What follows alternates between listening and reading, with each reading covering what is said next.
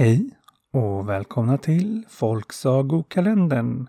Folksagopoddens egen julkalender. Och idag är det ju andra advent och det är också den 11 december.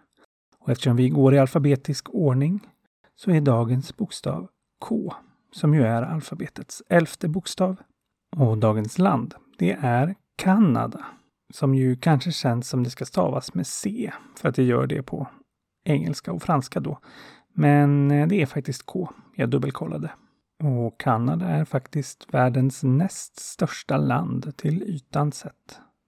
Och sagan som ni kommer få höra härifrån, den heter När kaninen sålde utsäde och kommer här. Det var en gång, för länge sedan, en kanin som var ganska så lat men ändå tyckte om att ha saker. Men för att få saker, då var man tvungen att jobba för dem. Och det var ju jobbigt. Kanin hade haft lite småjobb för andra. Men det gav ju inte så mycket betalt. Och mest fick ju de han jobbade för. Och det tyckte kanin kändes orättvist. Så nu hade han varit utan jobb ett tag. Men det var inte heller bra. Och därför funderade han på vad han skulle jobba med. Och då stötte han på mor gås som kom gående med en korg med ägg. Och han frågade gåsmor hur hon tjänade pengar. Ah, jag lägger ju ägg och säljer. Det kan ju du också göra, hur lätt som helst. sa gåsmor och struttade vidare med sina ägg i korgen. Och kanin blev lite sur. För han förstod att gåsmor drev med henne. Han kunde väl inte lägga några ägg. Men snart stötte han på ett litet bi och frågade bit Vad jobbar du med? Du verkar ju ha det ganska lätt. Du bara flyger runt i dina randiga kläder och sjunger hela dagarna och luktar på blommor. Bzz, jag gör honung och säljer. Det kan ju du också göra, hur lätt som helst. Det är bara att samla nektar från alla blommor. Sa Bit och skrattade och flög vidare. Ja, nu blev kanin sur igen. Det var en till som drev med honom. Men vad skulle han jobba med? Han ville ju hitta något enkelt. Men det där med att tillverka saker, det verkade ju jobbigt. Men just då gick han förbi en by med människor. Och han fick se hur några av dem höll på att byta och sälja grejer med varandra. Skinn och ägg och honung och sånt som de inte gjort själva. Och då kom han på det. Det var ju det han skulle bli köpman. Han skulle handla med andra saker och bli rik på det sättet. Det verkade väldigt ojobbigt, tänkte han. Men vad skulle han handla med? Funderade han på medan han promenerade vidare och kom förbi människornas stora fält där de odlade olika sorters grödor. Och då kom han på det. Fälten stod ju där helt obevakade. Han skulle helt enkelt kunna sno utsäde och sälja det till djuren. Det skulle ju vara alldeles utmärkt. Inget jobb alls, mycket pengar.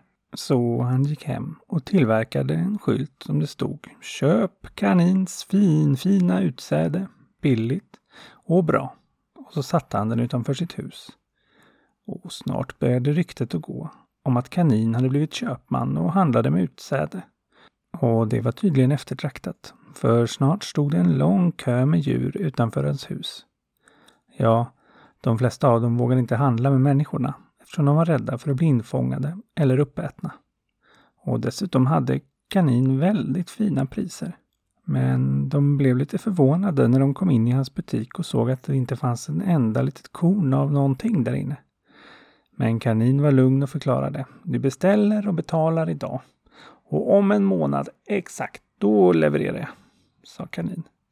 Ja, för Grödorna han skulle sno var inte riktigt mogna än. Men det sa han förstås inte. Han sa bara att han eh, hade en leverantör som kommer om en månad. Och eftersom priserna var bra så köpte de. Många, många var de som beställde. Allt från maskar till jägare. Och kanin var mycket, mycket nöjd med sin stora hög med pengar. Nu skulle han klara sig bra. Ja, det var förstås lite jobb att göra, men det var ju om en månad. Så i några veckor behövde kanin inte göra någonting alls. Men bara för säkerhets skull gick han och kollade in utsädet ibland där det växte på människornas åkrar, så han kunde sno det när det var prima kvalitet. Men när han väl hade bestämt sig för att sno det, ja, då hade människorna sett att det var en kanin som smög runt där lite för mycket. Och därför hade de byggt höga stängsel och ställt ut hundar för att vakta. Nu kunde ju kanin inte sno sina grödor. Vad skulle han göra nu? Ja, nu var det bara några dagar kvar tills han skulle leverera. Och han hade inte ens en liten majskolv att erbjuda.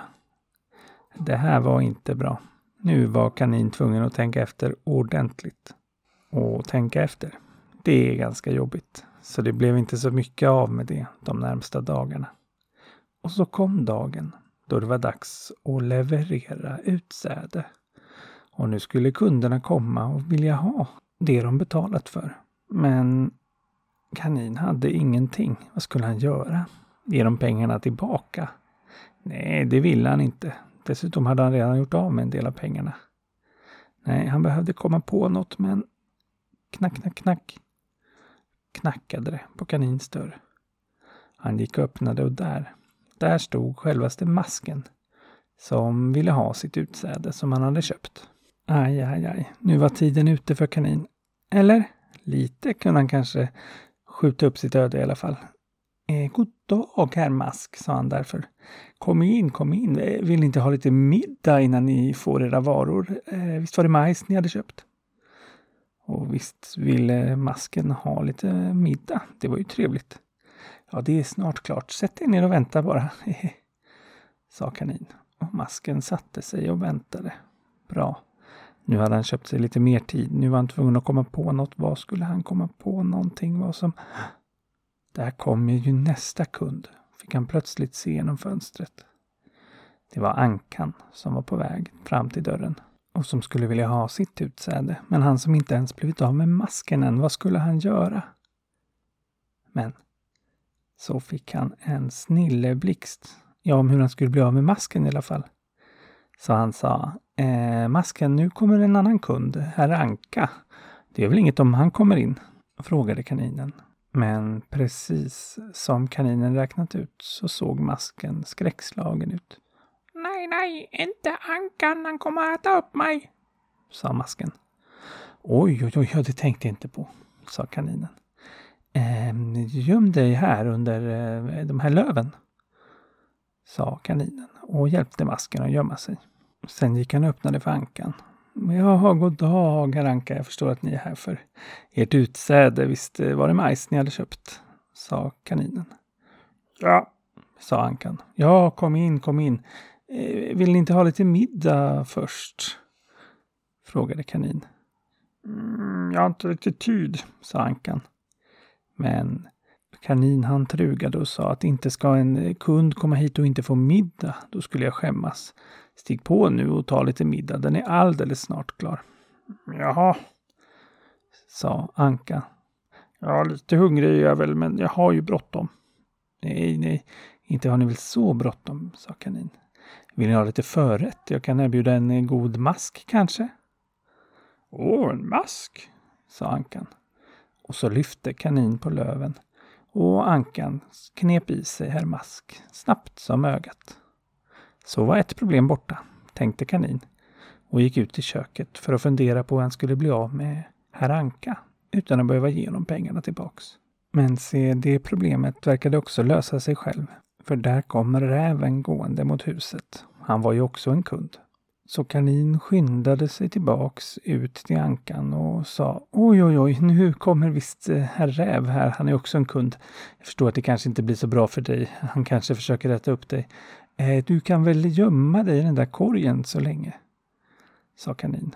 Och ankan tackade så mycket för att han skulle slippa bli äten och la sig och gömde sig i korgen. Och så gick kaninen och släppte in räven. God dag, jag ska ha mitt utsäde, sa räven. Ja, ja, visst ska du få det, men eh, först ska du väl ha lite middag, va? Kom in och ät lite, vet jag, sa kaninen. Mm, Okej okay då, men försök inga tricks, sa räven, som ju är väldigt listig. Tricks? Nej, inte alls. Eh, middagen är snart klar. Men För att visa att jag är ärlig så vill jag bjuda dig på någonting till förrätt. Vad sägs om en eh, god anka kanske? Mm, det låter mycket gott, sa räven. Så kanin välte ut korgen där ankan låg och gömde sig och räven kastade sig över honom och åt upp ankan i ett nafs. Mm, mycket gott, eh, men eh, jag blev nästan mätt. Jag skulle kunna ta ut sädet redan nu, försökte räven. Kaninen var tvungen att komma på något fort. Då kom han på hur man alltid kunde uppehålla räven.